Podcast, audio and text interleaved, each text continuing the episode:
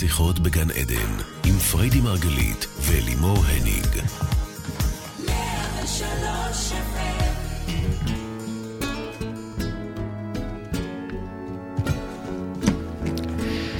שלום לכולכם, כאן מול פני רדיו 103 FM ורדיו 104.5 צפון. אנחנו כאן איתכם בעוד תוכנית של שיחות בגן עדן, תוכנית על התודעה, החיים ומה שביניהם. אני אלי מורני, עיגול לצידי אשתי אהובה, מייסדת תפיסת המטאיזם. מה את שותה ככה ברעש? סליחה. מומחית התודעה, השותה את המים על המיקרופון, והאישה שאני מכירה, אה, בעיקר כמי שיודעת לתת, אבל לקבל, רק עכשיו היא לומדת, נכון אשתי? פריידי מרגלית, בוקר טוב. לומדת בעצבים, לומדת. מה זה בעצבים? אני רואה אותך הלב, מפחיד אותי. בוקר טוב. אה, אז אנחנו היום בתוכנית שקראנו לה לדעת לקבל, ולא במקרה בחרנו את התוכנית הזו, נכון, רבנו? כי כמי שכל היום יושבת במערה ועסוקה בעיקר בנתינה, אני יודעת שיצאת ממנה לאחרונה עם תובנות מהותיות שעוסקות דווקא בקבלה. אה, אני מאוד מתרגשת שתשתפי אותנו פה, את כולנו, בתובנות המהפכניות האלה שלך, באמת, כי... נו, תובנות שלך זה תמיד תובנות, אה, ואני רוצה דווקא לפתוח בשאלה. כל הזמן אומרים שנהיה בצד הנותן, נכון? נכון. אז מה זה אומר על הצד המקבל? קודם כל זה קצת נותן להרגיש שלא כדאי להיות שם. מה הפלא שקשה לקבל? בדיוק. לא? בדיוק, נכון. לא, אנחנו למרות שאגב מתפללים- אני יודעת שיש אנשים שיודעים יותר לקבל. אנחנו מתפללים, כן. בדיוק כמו שאמרת, שנהיה מן המועילים והמשפיעים לכל אדם תמיד. כל הזמן אנחנו רוצים להיות בהעצמה ובנתינה, ובאמת אנחנו אה, מדברים פה על זה המון, כל הזמן, על נתינה וחיים, אורח חיים של נתינה. בעוד שהתנועה הזאת של קבלה נתפסת כסוג של חולשה, כן. ממש. אני יכולה להעיד על עצמי. כן. אה, הרי כל התובנות שיש לנו כאן, אנחנו מדברות מתוך עצמנו, וכאן אני באה לחלוק משהו שהוא יחסית טרי. אתם זוכרים את התוכנית על שוויון ששיתפתי אתכם? איך, ממש אונליין שיתפתי אתכם איך אני לומדת שוויון ו- ואיך זה משתנה, ואיך זה, כאילו בכלל מי זכר זוכרים. שלא ידעתי את זה קודם? אז ככה אני מרגישה כרגע עם קבלה. זאת אומרת שאת כבר לא יודעת איך, איך אה, הרגשת קודם, או שאת עוד בדרך? אני, אני עוד בדרך, אני עוד כן. בדרך, יש לי עוד המון מה ללמוד, אני בסך הכל רוצה לחלוק איתכם היום ככה כמה תובנות מהפכניות, שאני אשתף אתכם שזה משהו שחוויתי, יש לנו תהליך אה, עומק שנקרא צריבה, זה איזשהו פרוטוקול שבעצם אנחנו מעדכנים את תוכנת האנוש שלנו. תהליך טיפולי נגיד. כן, כן, תהליך טיפולי עמוק, אחד הקשים, זה נחשב אצלנו לניתוח מוח, זה לא, לא משהו שניגשים אליו סתם. ואני בדיוק סיימתי צריבה שנקראת צריבת פירורים. דהיינו, המנגנון הזה, הנרטיב הזה של פירורים, של להסתפק במועט, אותו צרבתי, אותו התמרתי, אותו שיניתי. הבעיה הייתה בכלל להבין שאני מקבלת פירורים, כי בחוויה שלי אני מלכת השפע, מה זאת אומרת? אני, אני מלכת השפע, אני מלמדת אתכם שפע, אני חיה שפע, אני, אני אז- גרה בשפע, על פניו כאילו מסתכלים, ואני שפע. נכון, אז איך נכון? הבנת בעצם שאת אה, בפירורים? תסבירי. וואו. מה הביא וואו, אותך לשם? מה הביא אותי את לשם? באמת, אגב, מי שמסתכל מהצד, את מלכת השפע, באת גרה לך ובאמת- בבית, היפה, עם הברכה, ועושה כל היום ככה, ועושה מה שבא לך, ועושה מה שטוב לך. והולכת ליוגה בבוקר. ויש לך ו- אישה כזאת מהממת, והיא נכון. מאוד מהממת, ואת כל היום עם האישה המהממת שלך. כאילו מלא שפע. מלא שפע. אז מה, איך הבנת? מלא שפע. מה שקרה, קודם כל, אני, יש לי את הזכות השנה להיות אה, מורה של אה, נכון. קורס מטפלים, כבר שנים לא הייתי המורה. יש להם את הזכות, אני אגיד. גם וגם, אני גם ממש וגם. מרגישה אני שנורא כיף. לי, וואו, כל שיעור אני עפה. נכון. את צריכה ללמד אגב. נכון. את צריכה. ללמד. אני עושה את זה. אז טוב שאת עושה את זה. אז באמת השנה אני מלמדת את קורס המטפלים, זה קורס שנמצא במכללת רידמן. זה קורס שלנו, כן? קורס מטפלים בשיטה שלנו. בשיתוף פרידמן, כן. בשיתוף פרידמן. כן. וחלק מללמד את המטפלים זה ללמד אותם את כל הפרוטוקולים הטיפוליים שלנו.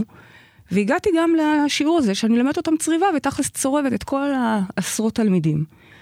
ואני צורבת אותם ואני אומרת לעצמי, אני, מה פתאום, אני לא נצרבת בחורף, מה פתאום? אני לא צריכה, אני, אני מלמדת אותם. אלא שיומיים אחרי, אני קולטת שמי שואל אותך בכלל, אני כבר בתוך צריבה, ולא סתם צריבה, אלא פירורים. אני פשוט לא יכולתי יותר שלא לראות את הפירורים, אם זה פתאום הנזילה מהסלון. אז למה לא פתאום- צריבת נזילה? למה החלטת שזה פרורים? כי מה, ראיתי תסבירי all over- למאזינים שלנו. ראיתי all over את המקום המסתפק במועט הזה, המקום הזה שכל כך בנתינה, באמת בכיף ענק.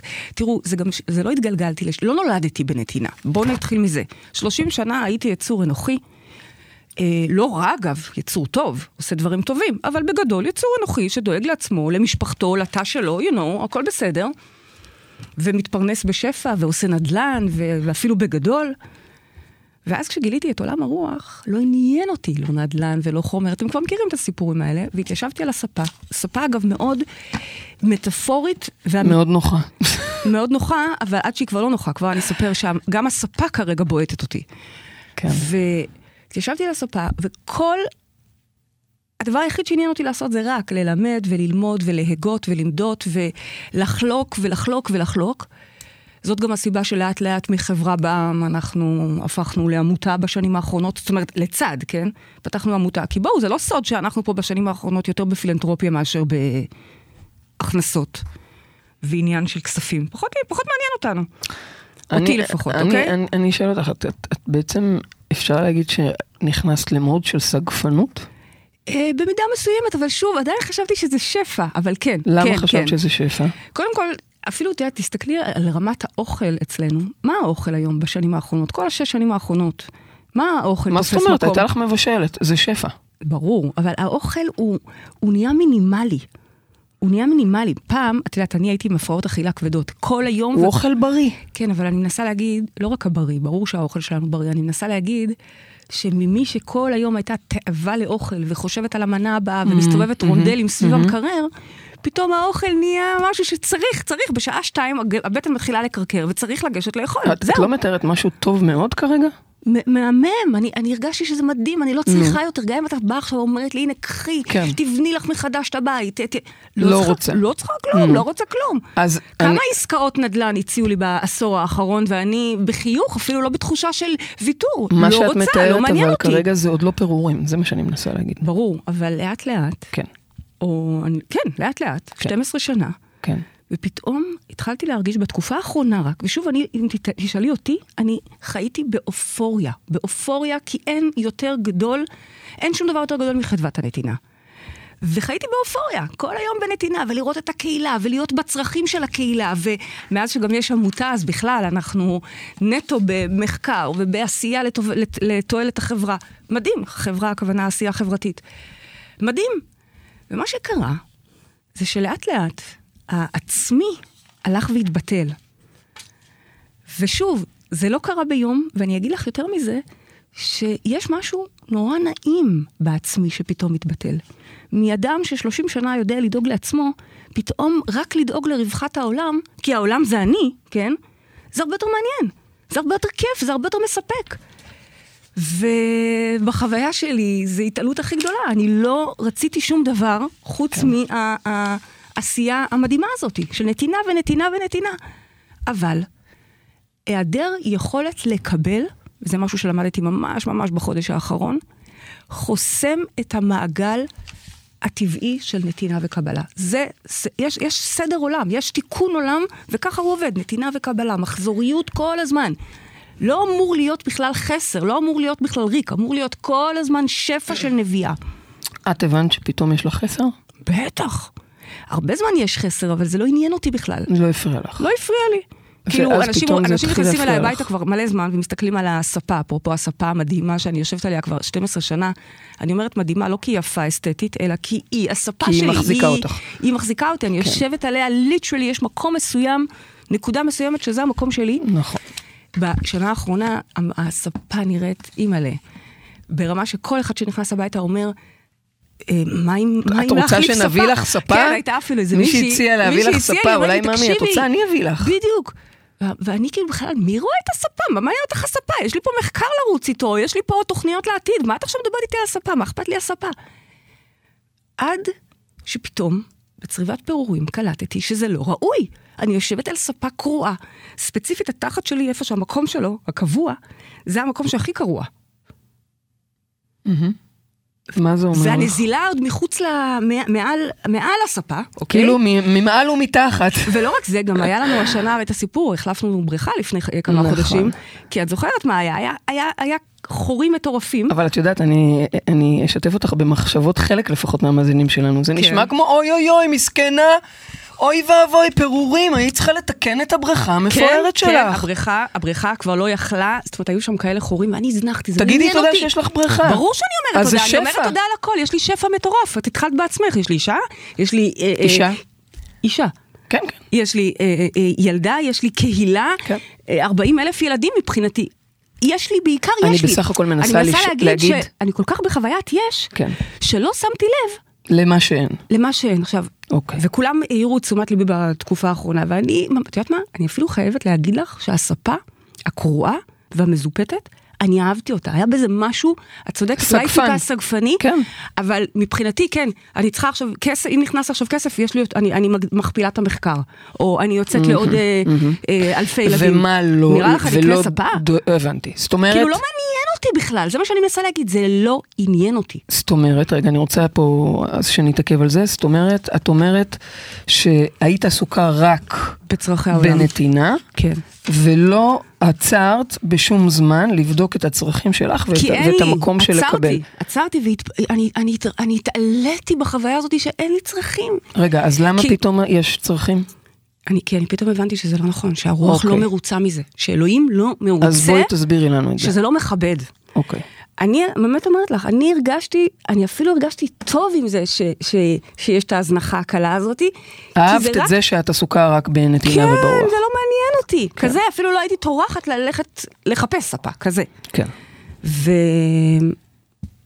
ואהבתי את זה, שכאילו אני, אני הצלחתי להגיע לרמה, ושוב, אני זוכרת אותי האנוכית, אני זוכרת אותי, ואני אגב לא אומרת את זה בשלילה, אני זוכרת, ויש לזה גם ל... ל מה זה אותי האנוכית? בואי תני על זה מילה. רצה מעסקה לעסקה, סוגרת זה עסקה. אנוכית? את יודעת, אני, כשאני נכנסת למקומות האלה, אני נהיית חיה רעה, אני בשנייה יכולה נכון, לדאוג, את למה מכירה זה- אותי, משא למה זה ומתן איתי, זה? זה לא דבר פשוט.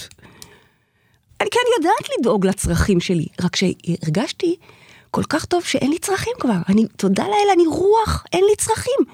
מה זאת אומרת אין לי צרכים? אוכל בשתיים בצהריים יש לי, סקס מלא מלא מלא, יותר ממה שאני צריכה, יש לי, נכון? תודה לאשתי. אה, אה, אני שתקתי. יש לי המון, יש לי כל הזמן את הנחת רוח מכל העשייה הזאת, מה יותר מזה? הרגשתי שאני ויתרת על ברמת- החומר, בקיצור. נכון, זהו, נכון. ויתרת על החומר. ואגב, לכן המשכתי כן להטיף של אה, בטח, תמשיכו לעשות עסקים, תמשיכו לעשות כסף, זה חשוב, זה חשוב. כי אני מאמינה ברוח וחומר, אני מאמינה שאחד הם, אני באמת מאמינה בזה. רק אין איכשהו... דיאט. אין דיאט, פשוט לא עניין אותי. טוב, אוקיי. ורק לאחרונה, מהמם. ממש, אני מדברת איתכם על החודש האחרון, סביב צריבת פירורים, שבכלל להיכנס אליה היה לגלות שאני חיה על פירורים ועל הדי דלק, עוד מתקופת הנדל"ן. תודה לאל על השפע ההוא שנתן לנו באמת אה, אה, את האפשרות הזאת, אבל הבנתי שהרוח לא מרוצה. מי זה הרוח את? אלוהים. אלוהים לא מרוצה? כן, ואלוהים, לא מרוצה מזה שאת נותנת, אלוהים, נותנת, אגב, נותנת? החלקיק אלוהים אגב, שנמצא בתוכי זה גם בסדר, את יכולה להגיד את, אוקיי? אני אבל לא אני המודע, כן. כי אני המודע חיה באופוריה. אוקיי. אבל אני אני הלא מודע, הגבוה שלך. היה שם, כן, לגמרי. אה, איך אני, איך, איך הבנתי את זה? קודם כל באמת ראיתי את כל השיקופים סביבי, ואני לא אכנס ל... אבל, אבל כן. ראיתי את הפירורים אוקיי. all over. מהמם. והכי נורא, הגיעו אלינו שני מקרים בתקופה האחרונה של אה, סרטן העצם. סרטן העצם במצב קשה, אחת כבר קברנו, ואחת, אה, אני מניחה שבקרוב. קשה מאוד. ממש. ועשינו על זה supervision, אם את זוכרת, לפני איזה חודש. עשינו, כן. אחת המטפלות הביאה את המקרה, את שני המקרים, מהמם. ואנחנו עושות על זה supervision ומתחילות לראות בעצם שהנשים המדהימות האלה ויתרו על העצמי. מה זה עצם? עצם זה עצמי, זה העצמיות, זה עמוד שדרה, זה, ה... זה החיים האלה פה, החומר. העצם שלהם התפוררה מסרטן. נורא. פתאום זה הבהיל אותי. כן. פתאום אמרתי, וואו, יכול להיות שהן מרגישות הכי התעלות בעולם, הן כל כולן בנתינה, לא יודעת מה הן עושות, אחת בכלל אומנית, אוקיי? ו... והנה, העצם שלהם מתפוררת עד מוות. על זה שהם ויתרו על העצמיות שלהם. אין עצמי, אין עצמי, ואגב, אחת עוד, זו שנפטרה, זיכרונה לברכה, עוד התווכחה, ממש עד כן, יום מותה, כן. שהיא לא צריכה את העצמי. וזה אה, היה נשמע כן? לי כמו אקו של עצמי. כן. כן, מה יותר מזה? היא נותנת לילדים שלה, היא, ב- היא, ב- היא, היא בהתעלות, היא ביצירה, יצירות שלה אה, מוצגות בכל מיני... אוקיי, אז אז זה הבהיל אותך וזה נתן לך בעצם איזושהי הסתכלות על להבין- עצמך. זה נתן לי להבין שעם כל הכבוד להתעללות הרוחנית הזאת שהגעתי אליה ואני מודה עליה, יש פה בעיה. מה שנקרא, Houston we have a problem. כן. ולא ידעתי עוד איך לפתור את זה, ואת יודעת, אם את זוכרת, החלק הכי קשה היה עבורי, בכיתי, בכיתי, בכיתי, ממש בדמעות ביבבות, שזה לא פייר. נכון. חשבתי שהגעתי לי כזאת התעלות, ועכשיו מה, אתם רוצים להחזיר אותי לקרקע? אתם רוצים בכית על זה להוריד שאת אותי? צריכה בכיתי. לחזור ל- בכיתי. ל- לדאוג לעצמך. בדיוק, לא רוצה. כן. איזה כיף זה שכל הצרכים שלי מתמלאים מהבריאה מעצם היותם. אבל הבנת שהם לא לגמרי מתמלאים ככה. בעצם הבנתי- הבנת שאת לא יכולה לחכות שזה יתמלא מעצמו, שאת חייבת לד- הבנתי לדאוג לזה גם. שהעולם נבנה באופן של נתינה וקבלה. יש נותן אוקיי. ויש מקבל. זה התיקון של העולם, זה מצב מאוזן שאנחנו יודעים להיות בשתי הפוזיציות. אוקיי. הבנתי שאדם שמתקשה לקבל, הוא לא רוצה, בסדר? הוא, הוא רוצה רק לתת ולתת ולתת, יש פה בעיה. יש פה בעיה, שאגב, אני גם מכירה מעצמי, מהמקום של אולי גם להיות בחולשה. להסכים לקבל זה להסכים להיות בחולשה, ואגב, זה לא, זה לא שלילי, חולשה זה לא דבר שלילי, זה פתאום לשנות רגע את הקונספט בכלל מה זה שלילי. למה? מה זה- לקבל אולי זה דבר דווקא חזק. זה מאוד חזק. זה בלהיות חלש אתה מסכים להיות חזק, מאוד. אוקיי. ואהבה, עוד דבר שהבנתי, זה אהבה זה להיות במקום שנותן לשני גם לתת. אני כאילו השתלטתי על התפקיד המדהים הזה של לתת. באמת, זה תפקיד, אימא'לה, איזה, איזה תפקיד משובח, השתלטתי עליו, ואף אחד לא יכול לתת חזרה, כי אין צורך, אין צורך, אין לי צרכים. בכלל, הבנתי לאחרונה שאדם שלא יודע אה, לקבל, אז קשה לו להתייעץ, ו- ו- וקשה לו לשתף, כי הוא בעמדה של קבלה, אוקיי?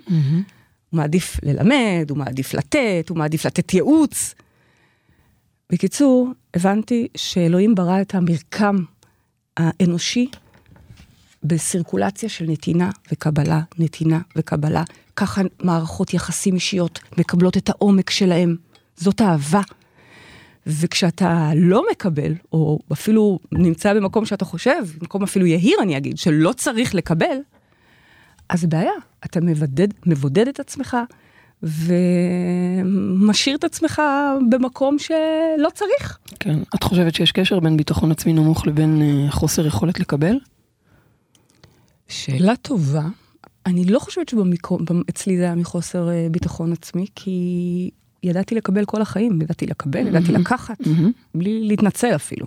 אז מה? זה באמת היה ממקום אלטרואיסטי מדהים, שהגעתי אליו חוויה מטורפת, שאני, אגב, גם כשהסתיימה הצריבה, שאלת אותי בתחילה אם אני כבר אחרי, לא, אני עדיין בלמידה. לגמרי. כי, כי אני Mhm. עדיין מרגישה ויתור גדול כי על עדיין המקום זה הזה. קשה לך. כן. אבל אני חושבת שיש קשר בין ביטחון עצמי נמוך באופן כללי ללקבל. יש שם איזה קיבוץ שמביך אותנו, שמביש אותנו, כן? ואני חושבת גם אה, שיש קשר בין חוסר קבלה עצמית לקבלה בכלל של Mm. מתנות העולם. מהמם, מהמם. אה, זה, זה, זה מתחבר לי למה שיאנה כותבת פה, שקשה לה לקבל פרגונים ומחמאות בלי להסמיק מבושה. כן. אה, כמה והנה מאיה כתבה, לקבל זה חמדנות ואינטרס, לכן יותר קל לי לתת מאשר לקבל. אלה ציטוטים שלגמרי אני הזדהיתי איתם, ממש. כן? פרגונים ומחמאות אני אוהבת. מאוד. אז מאוד. בזה דווקא אני לא מסמיקה, אבל יש לי את הקטע, שאת יודעת, שכל הזמן שולחים לי הודעות על וואו, אה, כן. תודה, עשיתי ככה, שיניתי ככה, עשיתי ככה, יש לי, אני, אני מתקשה להכיל את זה, כן, לוקח לי לפעמים, אני, למה? אני מתייקת את זה בתיקיית אה, ניסים, ככה זה נקרא אצלי, ולפעמים בערב רק אני חוזרת. למה? כי כן, יש שם מקום שלא מצליח להיות ב... אבל למה, את- למה את קוראת לזה לקבל, אגב? זה לקבל. למה? כי כשאני מקבלת פידבק של וואו, תודה, טיפול, שינה לי את החיים, כך וכך קרה לי, זה סוג של לקבל. ו- ואני מקבלת את זה, אבל זה אבל מחמאה. לוקח לי זמן, נכון, לוקח לי פשוט, לוקח לי קצת זמן כדי להצליח. בואי, אני אתן לך דוגמה, אנחנו עכשיו בעמותה, הגענו למצב, אה, אפרופו פירורים, הר- הרגשתי את זה הכי בעמותה. כי העמותה, כל כולה הרי באה לעשות עבודת נכון, קודש ל- כל לעולם. כולה נתינה. כל כולה, 100% נתינה, מוצהר, ופתאום אני מוצאת עצמי שאין לי כסף בעמותה. כן. זה היה נורא. כן, נכון, נכון. מצאתי את עצמי עושה טלפונים, כאילו, אני רוצה טלפון. לתת ואין לי איך. בדיוק. אני מצאתי את עצמי עושה טלפונים, אתם יודעים שאין לי טלפון, וזה הדבר שאני הכי פחות אוהבת בערך, להחזיק טלפון. לקחתי את הטלפון של לימור ועשיתי טלפונים, זה היה ערב פורים, יום, אה, שיחה אחרי שיחה אחרי שיחה, אשכרה ביקשתי כן. מאנשים תרומות. כן. וזה היה לי מאוד קשה, ממש, כן, בשיחות הראשונות בכיתי עם עצמי. כן. ואגב, גם קיבלתי סירוב. אז זה גם לא רק לבקש, אתה עוד מקבל, אתה, הנה, אתה אומר, הנה, אני כבר עושה את הטלפון, ומקבלת סירוב. כן. פונה לבנק הזה, מקבלת סירוב, פונה לזה, כל מיני בקשות לתרומות. זה היה נורא נורא קשה, כן. אבל כנראה בשיחה השמינית, משהו כבר... התחלת ל- ל- לתרגל את עצמך, לאמן בדיוק, את עצמך. להגיד כן. שזה כיף, לא, ממש לא, עד עכשיו לא, אבל אה, פתאום התחילו להגיע כן. זאת אומרת, משהו בתנועה הפנימית שלי כן למד לקבל, שזה בסדר, שזה מעולה, שאנשי שזה- עסקים אה, תומכים בעשייה המדהימה שלנו, כן. למרות שאגב, לקבל הזה הוא גם לא כזה בשבילך, אז זה הוא לא עדיין בשבילי בכלל, הוא לא עובר דרכי. לא את הצרכים שלך, הוא שימי לב. בכלל לא עובר דרכי.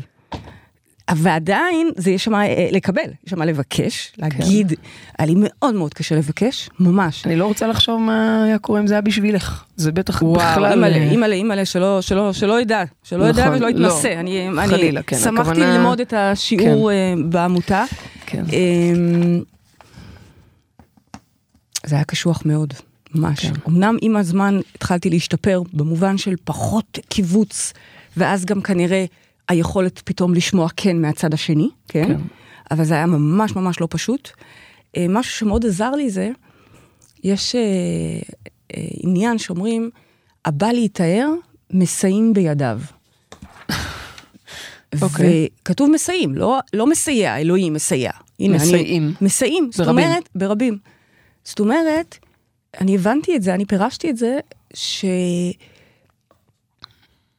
שלתת את ההזדמנות גם לאחרים לסייע. מסייעים, Mm. זה יכול היה להיות מסייע, בא להתאר, מישהו שרוצה לעשות אה, שינוי, כן. אלוהים מסייע לו, כן. אבל לא, מסייעים בידיו, זאת אומרת, יש שם את האלמנט שאתה צריך להצהיר, אתה צריך לבקש, אתה צריך אה, בעצם להיפתח לזה, כן. ולתת לאחרים לעזור לך. זה היה לי מאוד מאוד קשה, אבל כן, אני, אני עברתי ועדיין עוברת את זה אגב.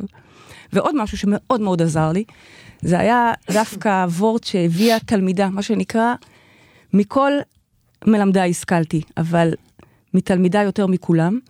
ואחת התלמידות שהיא כבר מטפלת אצלנו בעצמה, מדריכה בעצמה, דנה, כן. המדהימה דנה מילר, אמרה לי, את יודעת, את תמיד מלמדת אותנו שיש מדרגות שפע, לפי הקבלה, נכון? יש, יש מדרגות שפע. אנחנו תמיד מלמדים, ואולי כבר אפילו דיברתי איתכם על זה פה באחת התוכניות.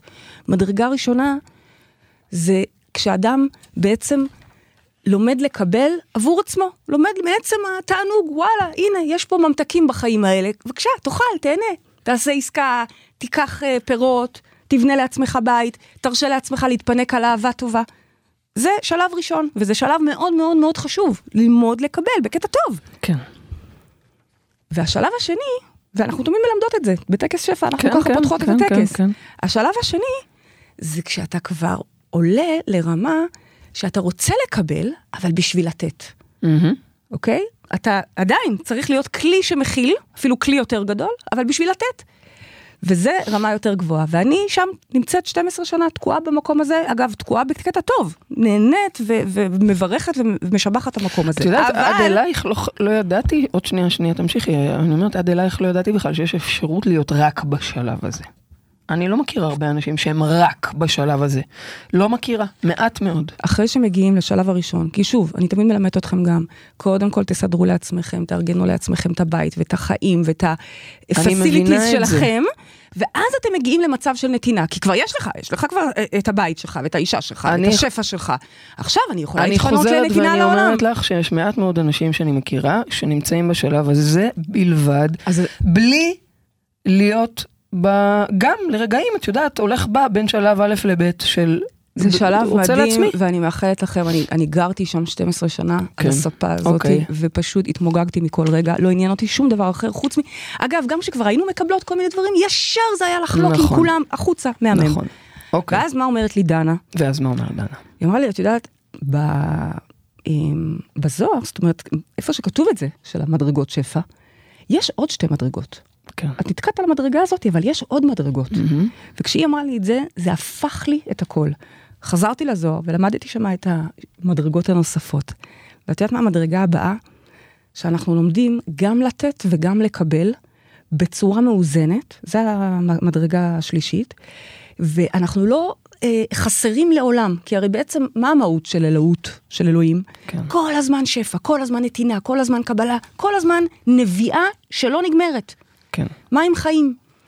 וזה השלב השלישי, להיות גם בקבלה וגם בנתינה בו זמנית בצורה מאוזנת, כלי שלעולם לא מתרוקן. זה כבר היה לי חידוש. אגב, אבל אוקיי, רגע. צאי מצמי, כן. השלב הבא, ולשם אני מכוונת, עוד לא הגעתי, אני ממש מכוונת לשם, אני הולכת לקנות ספה חדשה, להגיע ל- ל- לשלב הזה, ספה כמובן מטאפורית. אחרי שאתה נמצא לאורך זמן במקום המאוזן הזה, שגם מקבל וגם נותן, וכל הזמן מתמלא, כן. פתאום אתה עולה שלב באופן אוטומטי, ככה מובא בזוהר, ומתמוגג על מצב של קבלה מוחלטת אינסופית. Hmm, זאת אומרת, אני חשבתי שבנתינה זה השלב הכי גבוה. אם זה היה כן. תלוי בי, הייתי נתקעת שם עד סוף החיים. כן. הזיזו אותי, בעטו אותי, ואומרים לי, לא, זה לא תקין, זה בסדר, זה מדהים, זה, עשית את זה מדהים 12 שנה, תעלי לשלב הבא, או לשלבים הבאים. והשלב הבא, כי השלב זה- הוא הבא- מכיל את הגם וגם. זה, זה ג', אבל נכון. בשלב הבא, אליו אני שואפת, עוד לא הגעתי לשם, זה שלב שבעצם אתה כבר בכלל לא נמצא בנתינה או קבלה, אתה בקבלה אחת גדולה, כי אתה מבין שגם קבלה היא השפעה מאוד גדולה. הרי בסופו של דבר, אנחנו פה מנסים במשחק הזה, משחק החיים, להידמות לאלוהים. זה מה שאנחנו מנסים. הקבלה אומרת שאנחנו, אלוהים ברא אותנו בכלל, בשביל לשחק עם ברואיו ולהיות, לאפשר לנו את ההזדמנות הזאת לחוות מהנתינה והקבלה הזאת. מלהידמות בעצם לבורא, מליצור, מלברוא. זאת אומרת, אני, אני, זה, זה עמוק, אז אני מקווה שאני מצליחה להעביר את זה טוב. מעבירה זה טוב. בשלב הזה של, של הקבלה אינסופית, זה הבנה שאבא אלוהים, או אימא רוח, או סבתא גדולה, או איך שתרצו לקרוא לה, ליקום ולאינטליגנציה המטורפת הזאת, הוא רוצה כל הזמן לתת לך. וכשאני חוסמת את הקבלה הזו, אני בעצם לא נותנת לאלוהים, להלן האבא. תחשבי הרי, איזה דבר יותר משמח יש מהורה שלוקח את ה... את ה ילד שלו ו- ונותן לו ונותן לו ומעניק לו את כל מה שהוא צריך. אין דבר יותר משמח מזה. ואני מאוד, כל כך משמח, שנתקעתי על השלב הזה ולא הסכמתי לעבור לשלב של תני לאלוהים לפנק אותך. תני לחברים לפנק אותך, תני לאנשים, תני לעולם לפנק אותך. עצם זה שהוא מפנק אותך מאפשר לך ל- ל- לתת גם הלאה. גם, אבל זה כבר, בזה אני כבר נמצאת. פה זה הליהנות מעצם הקבלה, ואז גם הקבלה הופכת להיות השפעה ונתינה מדהים. מאוד מאוד גדולה. אגב, שימי לב, אני עוד לא שם. אני, בסדר. אני שואפת, אני אעדכן אתכם כשאני אגיע לשם, כן? תעדכני אותנו, נחזור בעוד כמה תוכניות. אה, אה, את עובדת מאוד מהר. נכון. מה שמדהים אגב, זה שדנה הביאה לך את המידע הזה, את הוורט הזה, בדיוק כשסיימת, באת לסיים את צריבת סיימתי, תיאורים. סיימתי, זה היה הסיום. והיית עוד מאוד מתוסכלת, לא, זה היה הגרנד פינאלה. נכון, כי, כי, נכון. כי לא הבנת, לא יכול להיות שזו, שאני, שזה ככה מסתיימת הצריבה, שאני צריכה להפסיק לתת. ו- זה לא ופתאום הגיוני. היא, היא שלחה לך את זה, וזה היה כזה, בדיוק. וואו, רגע, אני לא יורדת חזרה. שלב, בדיוק, אני הרגשתי שכאילו מורידים אותי לשלב ראשון, מה באמת, אני עכשיו צריכה לדאוג לצרכים שלי? ואז קלטתי שלא, זה לעלות לשלב שבו אין צורך יותר להסתפק בפירורים, זה לא ראוי, זה לא רוחני, עצם הקבלה מקסים. היא ההשפעה. מקסים, מקסים, מקסים. מקסים, מקסים, ולשם אני עובדת. מקסים. אגב, יש אנשים, אני חושב, אני תוהה, שלקבל יותר קל להם מלתת. יש אנשים כאלה. אני לא מכירה אותם כל כך, חוץ מאנשים מה, שהם אני נזקקים. הכרתי אותך בהתחלה כך. מה זאת אומרת? פעם, זה, פעם את היית כך. מה זאת אומרת? אני זוכרת שאת ידעת מאוד מאוד לקבל. אני מאוד. יודעת, עדיין, תגידי לי משהו טוב, אני אגיד לך תודה. לא, נו תביא לי באמת. מתנה, אמא שלך הביאה לנו... אה, אה, את יודעת אה, מאוד יפה לקבל. שובר למלון שאנחנו מאוד אוהבות. לא היססתי, אמרתי תודה, חיבקתי אותה בהתרחבות. אז מה את אומרת על זה שכאילו, אומרים שאם את לא יודעת לקבל, אז את לא יודעת לתת, אבל את יודעת לתת. אני מאמינה שאנחנו יודעים גם את זה וגם את זה, זה רק עניין של איזונים, וזה עניין כן. של לראות איפה ה... איפה קצת חלוד, אוקיי? כן. איפה קצת חלוד, איפה קצת מרופט, ולתקן, לשפץ, זה היופי שהמציאות מדברת איתנו. אני אגיד רק שתכף אנחנו נראיין פה אורח שיהיה לו בטח איזושהי פרספקטיבה מאוד מעניינת בשבילנו על הנושא הזה, תכף נגיע לזה, כן. אוקיי, אז אה, אה, זה באמת מדהים לגמרי, ואני אה, רוצה להעלות פה שאלה של רומי. שהיא שואלת, כאילו, את אומרת זה מדהים, אבל אני בו זמנית גם מקטרת על, ה- על המצב הזה, זה עוד לא נוח לי המצב החדש. כן, אבל את אה, מבינה, ש- את חששת שאת אה, בעצם הולכת אחורה. נכון, ואת עכשיו מבינה שיש פה עוד סוג של התפתחות נכון, והתעלות נכון, דרך למידת הקבלה, זה מדהים. נכון. אז, אז זה מדהים, זה פשוט מדהים. רומי שואלת איך אפשר ללמוד לקבל ללא תנאי, בלי סיבה לעצם הקבלה.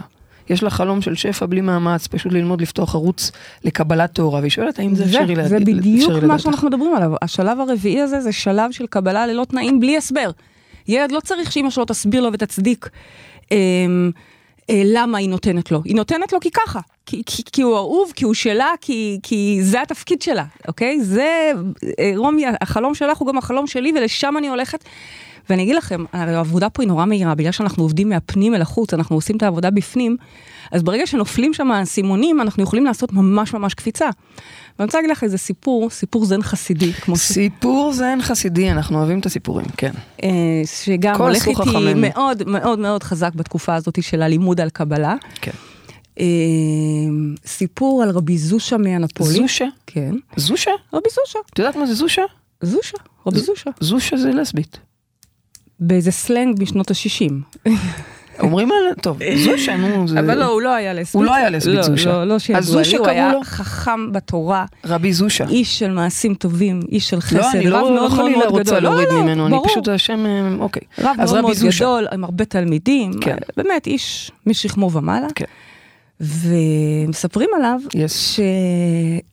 אגב, הוא גם היה נהנתן לא קטן, כן. שזה גם היה יפה רגע להיזכר ש... שגם רב שני- מאוד גדול. מצד שני, גם אני נהנתנית. נכון. מה, אנחנו לא מדברות פה כל התוכניות, למה, למה יש לנו... את נהנתנית כפרה. בדיוק, מה, אנחנו לא, לא, לא מסתירות גם את זה, אז, אז כאילו משהו השתבש פתאום, איזה כפתור היה צריך אה. לעשות שיפוץ. בקיצור, אז רבי זושה היה מתעורר בבוקר, וכשהוא היה רעב, הוא היה מדבר על עצמו בגוף שלישי, והיה אומר, זושה רעב. זושה רעב. מעניין לראות אותך מדברת ככה. פריידי עייפה, לא, לא, זה... פריידי רעבה. זושה רעב. נו, ואז נו. התלמידים שלו ישר היו הולכים, מביאים לו אוכל, וכמו שאמרתי, הוא גם אהב לאכול, היה נהנתן, סבבה. כן. וככה בצהריים עוד פעם זושה רעב, עוד פעם מביאים לו לאכול. ואז יום אחד התלמידים שלו, שמאוד אהבו אותו, באמת, הוא היה רב מדהים, אמרו, אנחנו לא מבינים, שנייה, למי הוא אומר זושה רעב? למי הוא אומר את זה? הוא אומר את זה להם? אז תבקש יפה, תגיד, אה, אפשר אה, לדאוג ל... אפשר אה, אוכל אוכל בבקשה, מי בדיוק. שיכול. כן. או שהוא אומר את זה, וחלק מהתלמידים אמרו, לא, מה פתאום, הוא אומר את זה לאלוהים, הוא בכלל את- לא אומר את את זה. הורסת את הסיפור. למה? ככה, שנייה, פשוט רגע. שמה את הפאנץ' באמצע במקום רגע, בסוף. שנייה, שתדעו. שנייה, זה בסדר. נו. והם התווכחו ביניהם למי זושה מדבר, והם החליטו שמחר, כשהוא אומר זושה רעב, הם לא מביאים לו אוכל. כי לא בקטע רע, אלא הם רוצים להבין רוצים שנייה עם להבין. מי, עם מי הוא מדבר. טוב. טוב, זושה רעב בבוקר, זושה נהיה עוד יותר רעב בצהריים, הם לא מביאים לו אוכל. זושה מאוד רעב. מאוד רעב, וככה הוא זושה מדבר. מקרקרת לי הבטן. לא לי, אלא לזושה מקרקר את לזושה הבטן. מקרקר את הבטן. זושה נהיה עצבני. זושה הולך לטרוף, זושה מאוד מאוד רעב. נו. והם לא מביאים לו אוכל, כי הם, הם באמת רוצים להבין רגע מה, מה, מה, מה, הוא מדבר.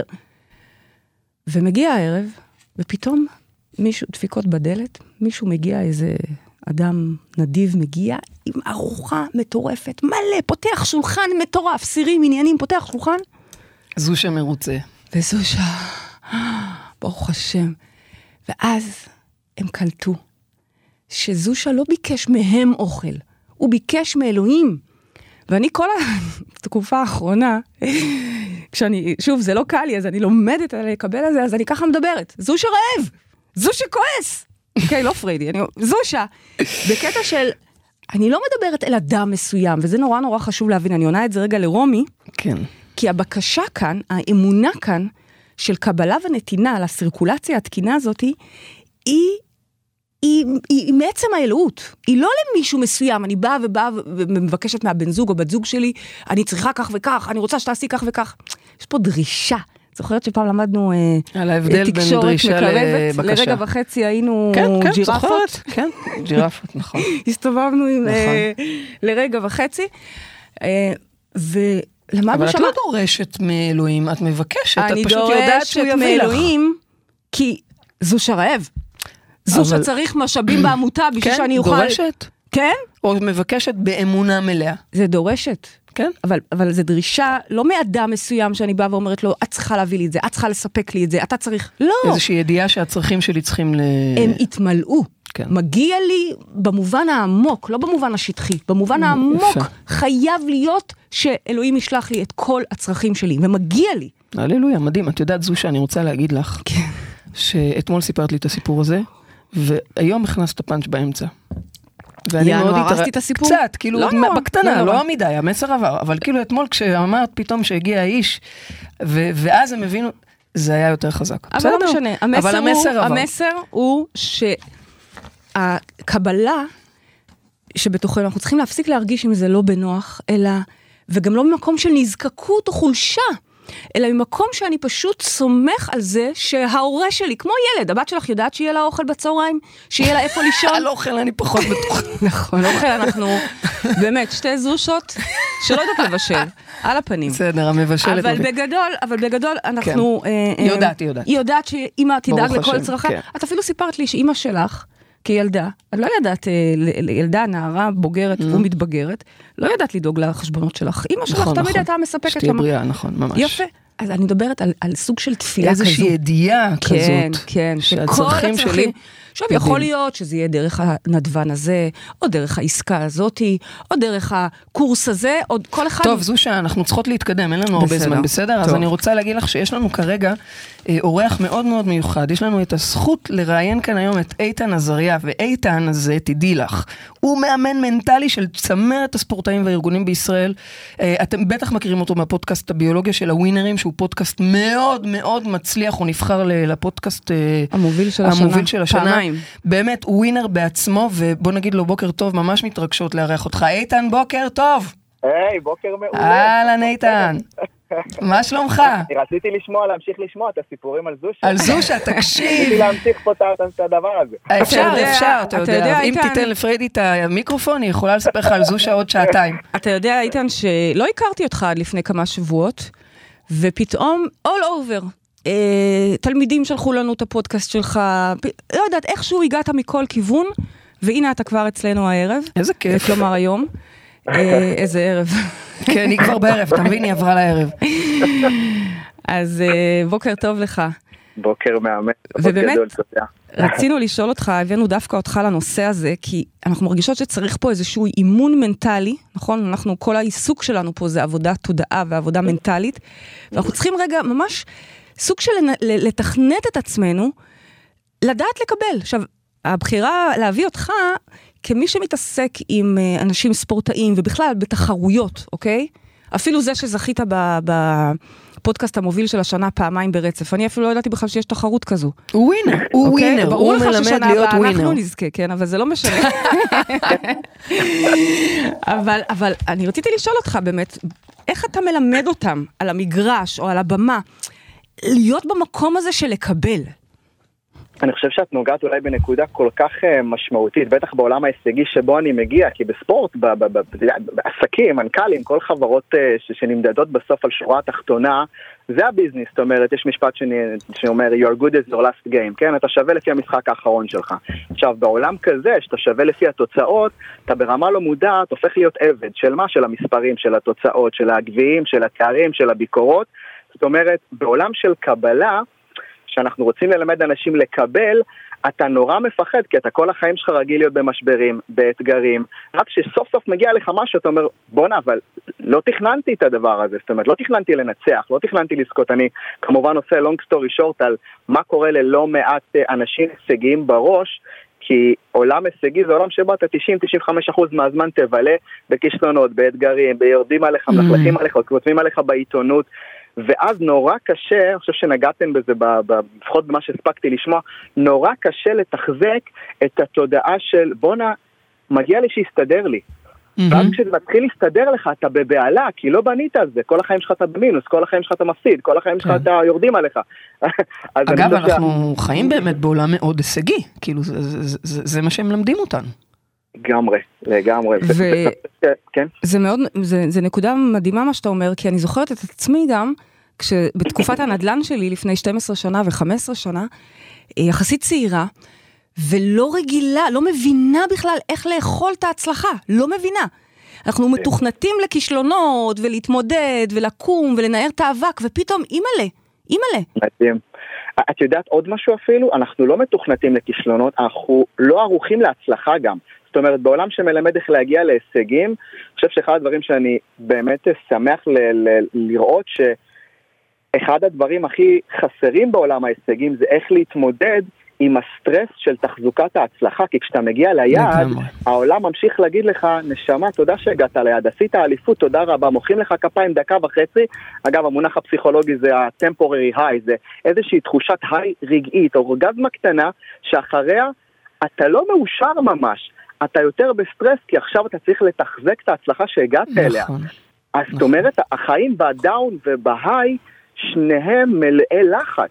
וואו. אז דווקא במקום כזה יכול להתחבר, כאילו זה, זה, זה לא משנה, זה עסקת נדל"ן או גביע או אליפות, אנחנו צריכים לדעתי בעולם של קבלה להפסיק לשאול איך להצליח, איך להגיע, ולהתחיל לשאול שאלות יותר עמוקות כמו איזה מערכת יחסים אני בונה עם תוצאות בכלל.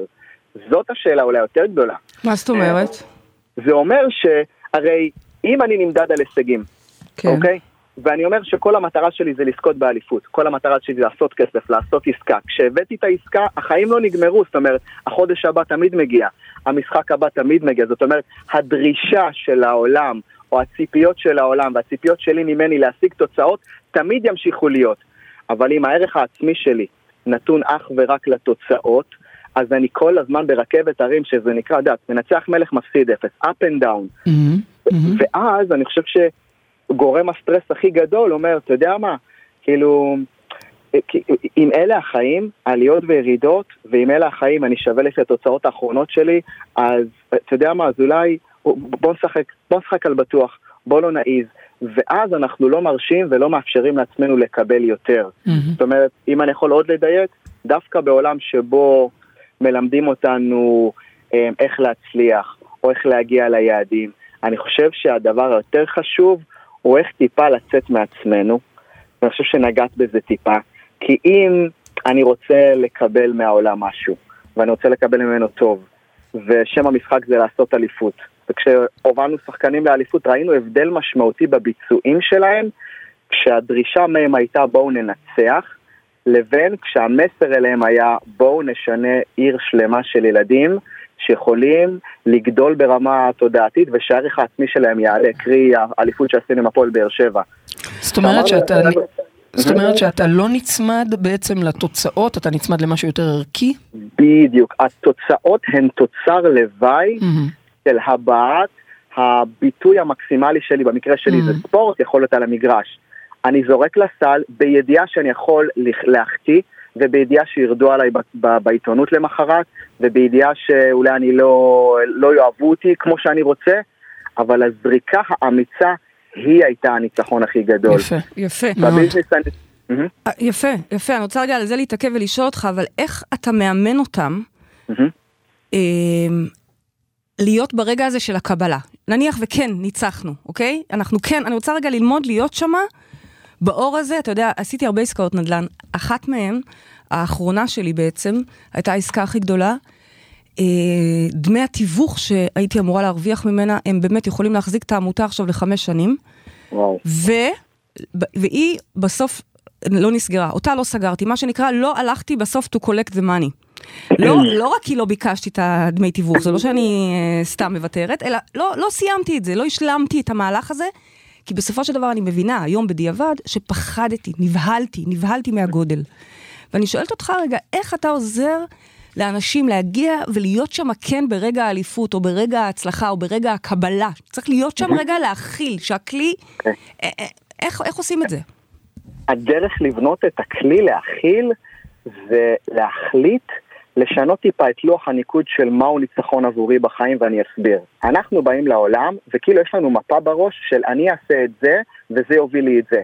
אני אעשה את הפגישת נדל"ן הזאת וזה יסגור לי את העסקה הבאה. זאת אומרת, יש לנו בראש ואנחנו חיים קצת בסרט שאנחנו מנהלים את הדבר הזה שנקרא החיים ואני אחליט אילו אירועים, מעשים ופעולות יובילו לאילו תוצאות. כולנו פה בשיחה הזאת יודעים שהעולם לא עובד לפי החליל שלנו, לעולם יש דרך משלו, לבורא, ליקום, להוות את האמת ואת המציאות שאנחנו רוצים לקבל, וזה לא תמיד בזמן שלנו. אחד הדברים שאנחנו אולי יכולים להוריד את זה לפרקטיקה זה שלא הפעולה שלך תבטיח לך למחרת לקבל משהו, אלא אפקט מצטבר של עשייה נכונה ללא אינטרס של מתי תבוא התוצאה. אני אסביר. בספורט אתה אף פעם לא יודע איזה משחק יביא לך את האליפות. אתה לא יודע. בעסקים אתה לא יודע איזה שיחה, איזה עסקה, יכול להיות איזושהי פגישה שבכלל כאילו לא תכננת והיא הייתה, ולא נסגרה מזאת עסקה, אבל אהבו, אבל, אבל אהבו את מי שהיית שם, ובזכות זה הכירו לך מישהו אחר ויצאה עסקה גדולה בזכות הכישלון של העסקה ההיא. זאת אומרת שלדרך לקבל היא להבין ש... Uh, אולי לקבל לא... גם את הדרך בעצם. כן, זאת אומרת, החיים יביאו לך את התוצאות שאתה רוצה, לא תמיד בדרך שאתה חושב, והניצחון הכי גדול זה להיות כל הזמן בעשייה, או לפתח את ההרגל של לא להיות תלוי במקבלים. יפה, אני, אני מרגישה שהוא נותן לנו פה הרבה מסרים מעניינים בשבילנו, בהמשך לשיחה שלנו היום. באמת. כן, אני מנסה כזה ככה לזקק בשיחה קצרה את הרעיון הזה, אבל מה זה בן אדם עשיר? מה זה בן אדם עשיר? זה שאני לא תלוי במקבלים. אני מעלה פוסט ולא תלוי באם יהיה לי לייקים. אני זורק לסל נכון. ולא תלוי בכפיים. אני אומר את מה שאני מאמין בו ולא תלוי. עכשיו, כשאתה עושה את זה, אתה נמצא במקום תודעתי שבו העולם אומר, בואו תקשיב, הוא לא זקוק לנו. ואז תוצר לוואי של האומץ הזה, תוצר לוואי של הנתינה, של העשייה, הרי מה זה בן אדם עני? שהוא קרצן, של מה? של תשומת לב, של לייקים. עכשיו, כשהוא מקבל, הוא לא באמת מקבל, הוא ממלא תשתיות של חוסר, הוא ממלא את הערך העצמי התלותי שלו, זה לא נקרא קבלה. קבלה אמיתית זה אומר אני נותן לעולם, אני זז, אני זורק לסל, אני בועט לשער, אני עושה פגישות אה, אה, אמיצות, אני אומר אני אוהב אותך, אני אומר אני אוהב אותך ו- ומוכן שיהיה דממה בצד השני, אבל אני אמיתי עם עצמי, ואז ברגע שאתה פועל ממקום מאוד מאוד אמיתי ואמיץ, ואתה לא, אתה באמת בפנים אומר, זאת, זה הניצחון שלי. יש לנו משפט שנקרא הניסיון הוא הניצחון. עצם העשייה האמיצה היא הניצחון, קורה דבר מדהים. העולם קולט שאתה אמיתי, העולם קולט שאתה לא מחרטט, העולם קולט שבאת ואתה מוכן להיות חשוף ופגיע ובאמת להיות נוכח בחיים של אחרים, ואז תוצר לוואי שזה הופך להיות קבלה. של מה? של אנשים שרוצים יותר להיות איתך, מתחברים איתך, אז קבלה אמיתית לדעתי היא תוצר לוואי של נתינה. אנחנו לא מקבלים את עצמנו, ולא מקבלים באמת מהחיים, כי אנחנו נותנים החוצה באינטרס. אז קבלה אמיתית היא תוצאה של יפה. נתינה לאינטרס. זה כאילו... אולי, אתה יודע, זה מאוד מתחבר למה שדיברת קודם, וגם בדיוק. קבלה עצמית, בסופו של דבר. חד משמעית, כן. בדיוק. מקסים. איתן, אנחנו... אם נתנו משהו החוצה, והוא אמיתי, הקבלה קרתה, אני לא צריך עוד כפיים מהעולם. זה ממש מתחבר לדרגות השפע שדיברנו עליהן קודם. נכון. ממש. נכון. איתן יקר, אנחנו חייבות לסיים ויכולנו להמשיך לדבר איתך עוד שעתיים, כמו עם זושה. אנחנו נעשה את זה עוד. תודה רבה לך, באמת. תודה שעלית איתנו לשידור. והיה לנו העונג אה, לשמוע אותך, יש לך הרבה דברים מעניינים, אז אה, חפשו כן. איתן עזריה, באמת, יש לו אה, פודקאסט מדהים, הביולוגיה של הווינרים. תודה רבה רבה, איתן. תודה לכם. תודה, יום נפלא. baby, נשארו לנו ממש דקה וחצי לסיום. אני חושבת שאפרופו ביולוגיה של הווינרים, חלק מביולוגיה של ווינרים זה גם לדעת לקבל. חד משמעית. חלק, ממש, בלי להתנצל. אבל הוא דיבר מאוד יפה על זה שאני עושה את הדברים בלי להתעסק בחוץ. לגמרי. לגמרי. בלי להתעסק בחוץ. אה, אוקיי, אז על צלילי הללויה לסיום, תספרי לנו מה המשימה שלנו השבוע. אני רוצה שאנחנו נתחיל להפוך במחשבה הזאת של הלקבל, ממש רק נתבונן עליה, ונתחיל להרגיל את עצמנו, מנטלית, לעבוד על זה, לקבל, לקבל. לקבל מהסביבה, לקבל, לדעת שמגיע לנו, ושוב, לא לדרוש. אל תתחילו עכשיו לבוא לבן זוג שלכם ולהגיד לו, אני, אני רוצה, לי. תן לי, אתה, אני לא, הצרכים שלי לא מסופקים. מה מזה שהצרכים שלך לא מסופקים זה לא אחריות שלו. אבל כן אחריות שלך ללמוד, לקבל ולספק את כל הצרכים שלך. או כמוני בכלל, להיות ערה להם. חשבתי שאני... ולהבין שזה צריך לקרות פשוט. דואגים לנו לזה. נכון.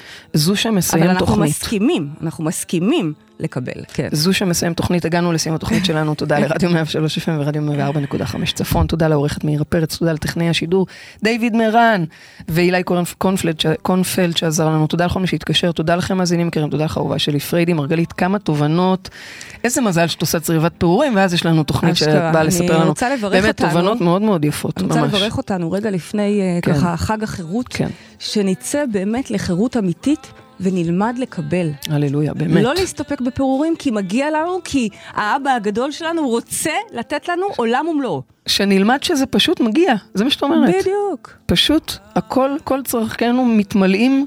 בדיוק. מדהים. אז אנחנו ניפגש פה בשבוע הבא, כמובן. עד אז תזכרו שגן עדן זה כאן, זושה, בואי לנוח. הללויה. Maybe I have been here before. I know this room, I've walked this floor. I used to live alone before I knew you. I've seen your flag on the marble arch. Love is not a victory march, it's a cold and it's a broken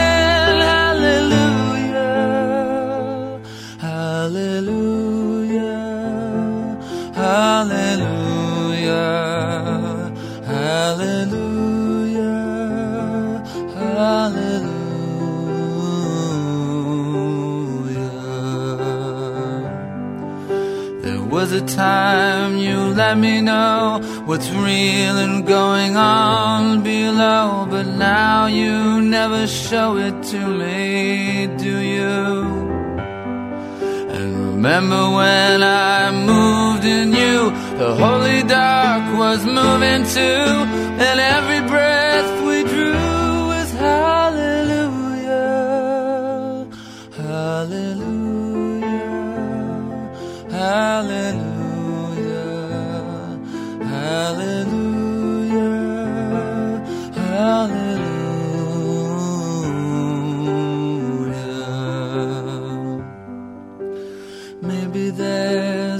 above, and all I ever learned from love was how to shoot at someone who outdrew you.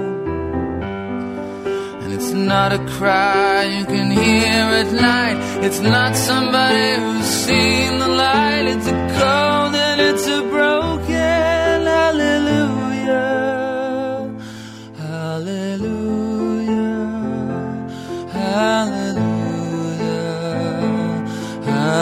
Hallelujah.